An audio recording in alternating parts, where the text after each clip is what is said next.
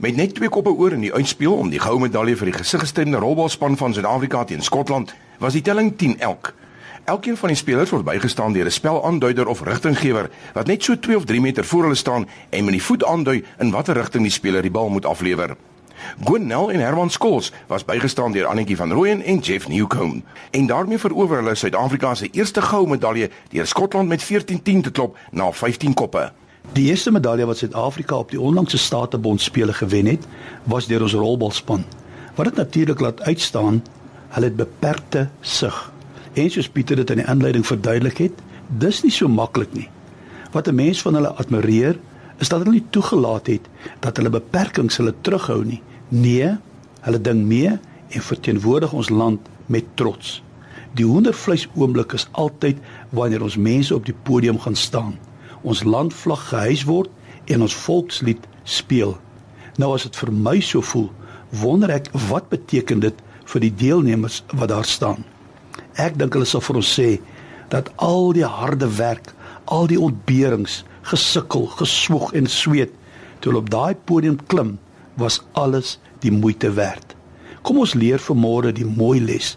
Al het jy beperkings in jou lewe, nogtans kan jy 'n wenner wees. As ons eerlik wil wees, het almal van ons maar een of ander beperking in die lewe. Daar is sekere dinge waar jy net nie 'n deurbraak kan kry. Al probeer jy hoe hard, jy kan net nie op daai gebied wen nie. Moenie tou opgooi nie. Byt vas. Leer van ons rolbalspelers, ten spyte van beperkings, kan jy ook wen. Jesus, ons rolmodel en leidsman, moes ook deur geweldige stryd en ontberings gaan voordat hy op die podium kon staan. Ons lees in Hebreërs 12:2 ons oë vasgenaal op Jesus, die voorganger en volëinder van ons geloofswetloop. Hy het ter wille van die blydskap wat daarvoor vir hom gewag het, die kruis verduur. Ja, hy het homself deur die skande van die kruisdood nie laat afskrik nie. Nou sit hy op die ereplek langs God op die troon.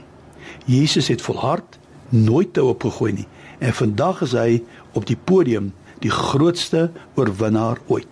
Maar hier is die goeie nuus.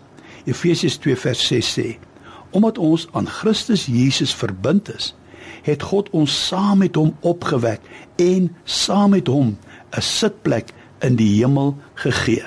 Wow, is dit nie wonderlik nie? Ons het 'n podium soos geen ander saam met Jesus in die hemel.